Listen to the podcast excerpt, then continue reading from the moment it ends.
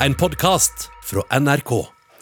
Vi skal ha litt storleken her i Nyhetsmorgen nå. Det er nemlig klart for fredagspanel. Velkommen til Morten Hegseth, journalist, TV-personlighet og nå òg barnebokforfatter. Takk. I morgentimene i dag så er også debutboka di 'Tine og det magiske speilet' kommer rett inn på tredjeplassen på bestselgerlista for all skjønn litteratur. Gratulerer med det. Takk, Det er fryktelig stas også. Det er det.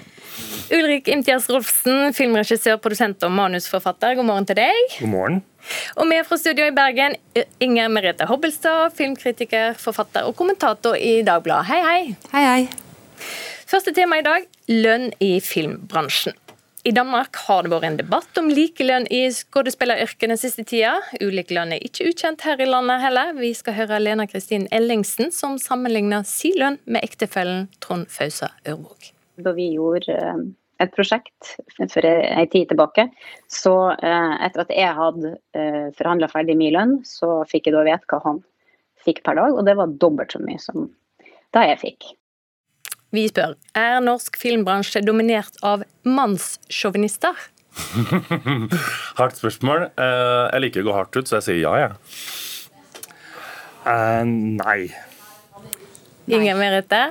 Nei. Nei.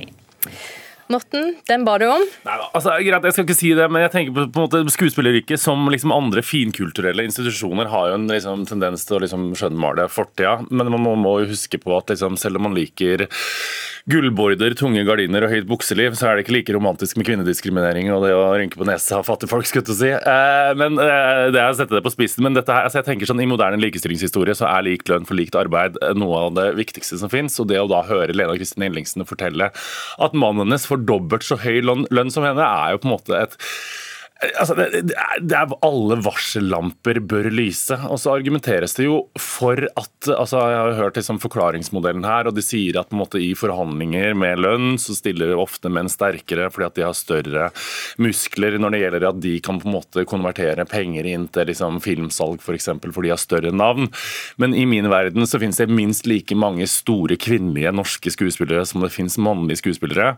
Og jeg tenker at uh, Lena Kristin Ellingsen og uh, andre andre kvinner i skuespilleryrket som får høre at de får halvparten av lønna til menn, de bør hente fram sin indre Scarlett Johansson, som nå saksøker Disney for 35 millioner kroner i forbindelse med tapte inntekter eh, eh, rundt Black Widow. Så eh, jeg tenker sånn Samle din indre Scarlett Johansson og Reece Witherspoon, som jo har starta et produksjonsselskap som lager TV, film for kvinner og av kvinner. Så bare se litt til Hollywood og bare tenk sånn Dette dette går søren ikke, for dette er flaut. Morten, her må vi bryte deg av. Inger Merete, hva tenker du? Altså, for det første er jeg jo veldig glad for at dette setter søkelys på. altså Det er skjevheter som er vel verdt og på overtid at man går inn i og prøver å se hvordan man kan gjøre noe med. Men det blir litt for enkelt, både beskrivelsen som er her og, og beskrivelsen som gis i sakene om dette. fordi eh, altså Dette er ofte et veldig sånn kjølig regnestykke, slik det er både i Norge og i internasjonal filmbransje. Altså at man, man, eh, investerer det man tror man kommer til å få igjen. altså Man gjør en vurdering av hvor, hvor stort er dette navnet vi er i ferd med å hyre til filmen vår, og hvor mye presseoppmerksomhet, hvor mye publikum kan den personen trekke å dra inn. og Hvor stor rollen er, er da mindre viktig sammenlignet med hva, hva, man tenker man, man, investerer i. Og En sak det jo ble voldsom virak om, det var jo da det ble kjent at eh, Matt Smith, som spilte prins Philip i The Crown, tjente mer enn hva Claire Foy gjorde som spilte dronning Elisabeth, selv om hun naturligvis hadde hovedrollen i den serien.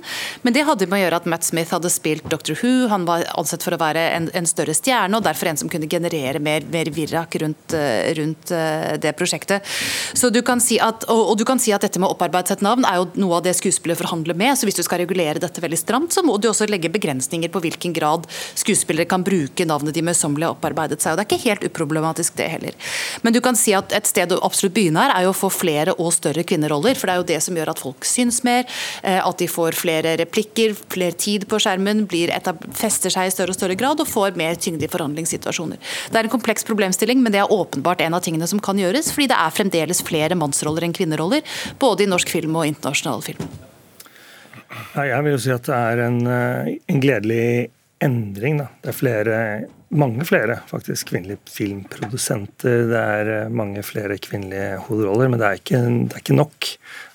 Og jeg synes det, det, det, er merkelig å høre den saken hvor, hvor Lena og Trond har fått forskjellig lønn. Selv som jeg er også produsent, jeg ville aldri tenkt på det, og jeg tror det er flere og flere som ikke ville tenkt på det. Men det er et stort problem, og det er, hvis det er sånn, så er det et stort problem. Og problemet her er jo at det ikke er kartlagt. Det er ikke kartlagt eh, siden eller det er ti år siden sist det var kartlagt. Og det er klart at vi må, en, vi må ha, kunnskap om dette. Vi må vite om dette er en, et generelt problem, eller om det, det var en anekdote. Og, og, det må være bevissthet rundt det. Og jo mer bevissthet er, jo mer vi snakker om det på radio, jo færre produsenter vil tørre å gjøre det. Vi må bytte tema. Hjemmekamp. Det handler om at livet kanskje oppleves som en kamp for ganske mange ganske ofte. Altså tror det kanskje er ment som Forfatter og musiker Trygve Skaug får denne høsten Bjørg Vik-prisen, mellom annet fordi han bruker Instagram og andre sosiale medium som TikTok for å dele sin poesi. Vi spør er det sosiale medium som skal redde norsk lyrikk, starta i Bergen? Nei. Eh, nei. Ja. Nei, jeg, jeg bare syns at uh, Instagram og TikTok og sånn er jo genialt uh, å drive uh, og å presentere lyrikk eh, der. Eh, alle videosnuttene, alle memene, alt, alt dette er jo lyrikk på en eller annen måte. Det er, det er korte snutter, det er eh, frembringer følelser, det er, det er, få ord som sier noe større, sier noe mer. Jeg syns det, det, er en no-brainer at lyrikk må på sosiale medier. Litt som hurtigmat, er det blitt sagt fra anmelderhall. Blir det for lettvint, eller? Altså, det blir ikke for lettvint, men altså, personlig syns jeg det er deilig når jeg sitter i Instagram-feeden og en avveksling fra liksom, første skoledagbilder, eh, sponsa innlegg, ja, tar selvkritikk, og bikinibilder, så syns jeg det er deilig på en måte med litt lyrikk som slår deg i magen. Men den diskusjonen her kan fort bli like enkel som når Skam ble publisert på nettet i små klipp. For da trodde alle sammen at grunnen til at Skam gikk så bra, var fordi at man publiserte det eh, på nettet i korte snutter og ikke, du ikke visste visste når det kom. Grunnen til at Skam var bra, var for at det var jævlig bra, ikke for at det ble publisert på internett i den og den formen.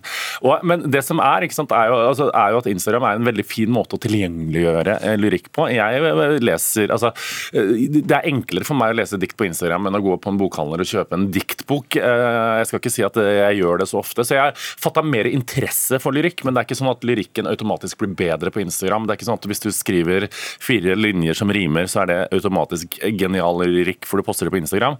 Det tilgjengeliggjør det, men det gjør det ikke bedre. Inger Merete? Altså, eh, Insta-lyrikken eller lyrikken på sosiale medier er som et sånt eget lite bekkeløp som løper ved siden av den andre lyrikken. Altså fordi Mens det skrives korte snutter som, som, vi får opp i feeden på den måten Morten beskriver, så er jo den mer skal vi si, tradisjonelle eller eksperimentelle lyrikken lever jo sitt eget liv. Det lages dikt, gis ut diktsamlinger. Eh, så den lever og holder på med sitt, selv om Instagram-poesien har oppstått som et nytt eh, fenomen. Og en som har skrevet om dette, er jo professor i nordisk litteratur og lyrikkforsker Eirik Vassenden, som ved vet vidunderlig skjebnens lune også er min kjæreste.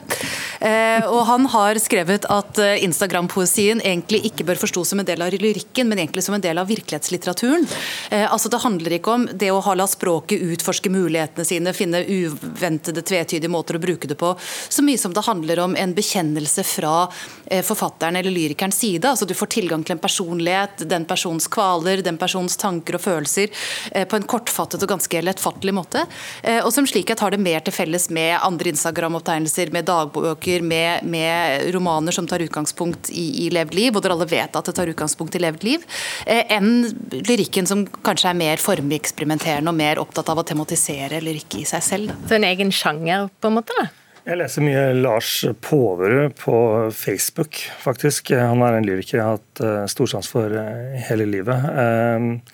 Jeg, jeg syns det er deilig å få det slengt i trynet. Jeg liker å, å bli, å bli si, utfordra. Eh, og jeg tror at den vanskelige tilgjengeligheten som lyrikken har i, i, bokform Ja, man er sikkert puritanere, og alle endringer så er det puritanere og, og folk som vil eh, at det skal være sånn som det var før. Men uh, verden er ikke som den var før, og her når man ut. Og at lyrikken er god eller dårlig på Instagram, det handler bare om lyrikkens kvalitet. Det, det, det kan man ikke si noe om. Eller hva intensjonen er og sånne ting. Det, god eller dårlig lyrikk funker. Vi skal snakke mer om at verden er i endring. This is the way the world could end. And the only man who can stop them can't do it alone. I want a car. Chicks dig the car. This is why Superman works alone. Batman and Robin. Batman and Robin, filmen fra 1997, hørte vi litt av traileren fra. Nylig kom nyheten om at superhelten Robin, altså Batman sin trufaste medhjelper, takka ja til å gå på date med en mannlig venn i tegneserieheftet Batman Urban Legions nummer seks. Det har ført til overskrifter, og vi spør er det grunn til å tro at flere av de gamle, gode superheltene egentlig er skeive og kan komme ut av skapet nå? Ja, det syns jeg absolutt. Uh, og jeg syns dette er helt nydelig, fordi representasjon er key. Og, ja. Det må du stå på. Ja. Ulrik? Ja. Inger Merete? Ja. OK, Morten. Ja, nei, altså, Jeg ble jo veldig glad over at Robin uh, var skeiv. Og så er det jo også sånn altså, Marvels Captain America på en måte har jo også kommet ut. Den, moderne formen av Batwoman er lesbisk og sånne ting. Og det, dette her er helt nydelig for min egen del. Når jeg var liten og vokste opp og kjente at det var en liten homofil eh, gutt inni meg som ikke turte å si det helt høyt. Altså, Roy i De syv søstre på en måte, spilt av Simon Andersen var en redning for meg. Så det at det nå kommer på tegneseriehelter som er skeiv, det syns jeg er nydelig. Min kjære kollega Vegard Ham, vi har tulla mye med at det er på tide at Ronja Røverdatter kanskje kommer ut som lesbisk. Så er det jo også jeg tenker NRKs Daidalos er jo også en åpenbar kandidat til å gå på pride. Så du har lista klar? Ja, jeg lista mi er, er klar. og Jeg tenker at dette her er helt nydelig. Jeg blir eh, kjempeglad for det. Eh, jo større pride-tog pride i tegneserieverdenen og i barneverden, jo bedre er det. Og min egen bok som jeg ga ut akkurat, så er det også vært viktig for meg med representasjon i form av at det er et barn som vokser opp med to fedre, gutter som liker neglelakk og skjørt, og jenter som liker superhelter. Mm. Inger Merete. Eh, ja, jeg tenker at dette er en, på mange måter en naturlig del av å oppdatere superheltuniverset. Altså det skjer litt på samme måte som at bilene på gata blir nyere, og at de har smarttelefoner og at uh, de beveger seg rundt i et moderne landskap. Uh, samtidig syns jeg det er verdt å ha med at man må være litt nennsom når man oppdaterer også slike ikoniske skikkelser som det. For det er klart, altså På den ene siden oppdaterer man det, men på den andre siden skal de jo forbli det samme. Og med Robin der er det jo en skikkelse som har vært spekulert i hans seksualitet i, i mange de år. og han er jo naturlig skikkelse tenker jeg at dette, dette skjer med. Men så har du andre popkulturelle ikoner der kanskje det å være å ha et forhold til en kvinne eller å være veldig sånn aggressivt heterofil, som f.eks. James Bond er, der det er en så sentral del av deres, eh, deres karakter. Da, at det å endre det vil være å endre selve karakteren. altså Da er de på en måte blitt en annen skikkelse da, enn hva, hva de var fra før. Men der det kan gjøres på en hva skal jeg si, organisk måte, slik som skjer med Robin nå, tenker jeg bare er en god ting. Men det er også viktig å huske at man må ikke glemme at man også kan dikte opp nye karakterer karakterer. Altså Man er ikke bare avhengig av disse gamle heltene, man kan legge nye karakterer som tilhører forskjellige minoriteter, og at de også kan bli nye ikoner. At det også er en, en verdig oppgave. Ulrik.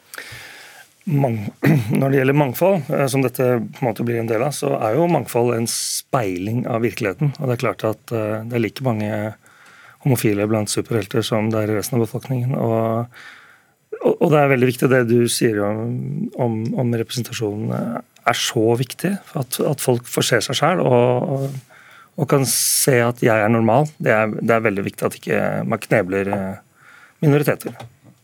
Vi må rett og slett eh, sette strek der. Takk for at dere kom i studio til eh, Fredagspanelet. Inger Merete Hobbelstad i Bergen, Morten Hegseth i studio her, og Ulrik Imtias Rolfsen også her i studio. Takk. Du har hørt en podkast fra NRK. Hør flere podkaster og din favorittkanal i appen NRK Radio.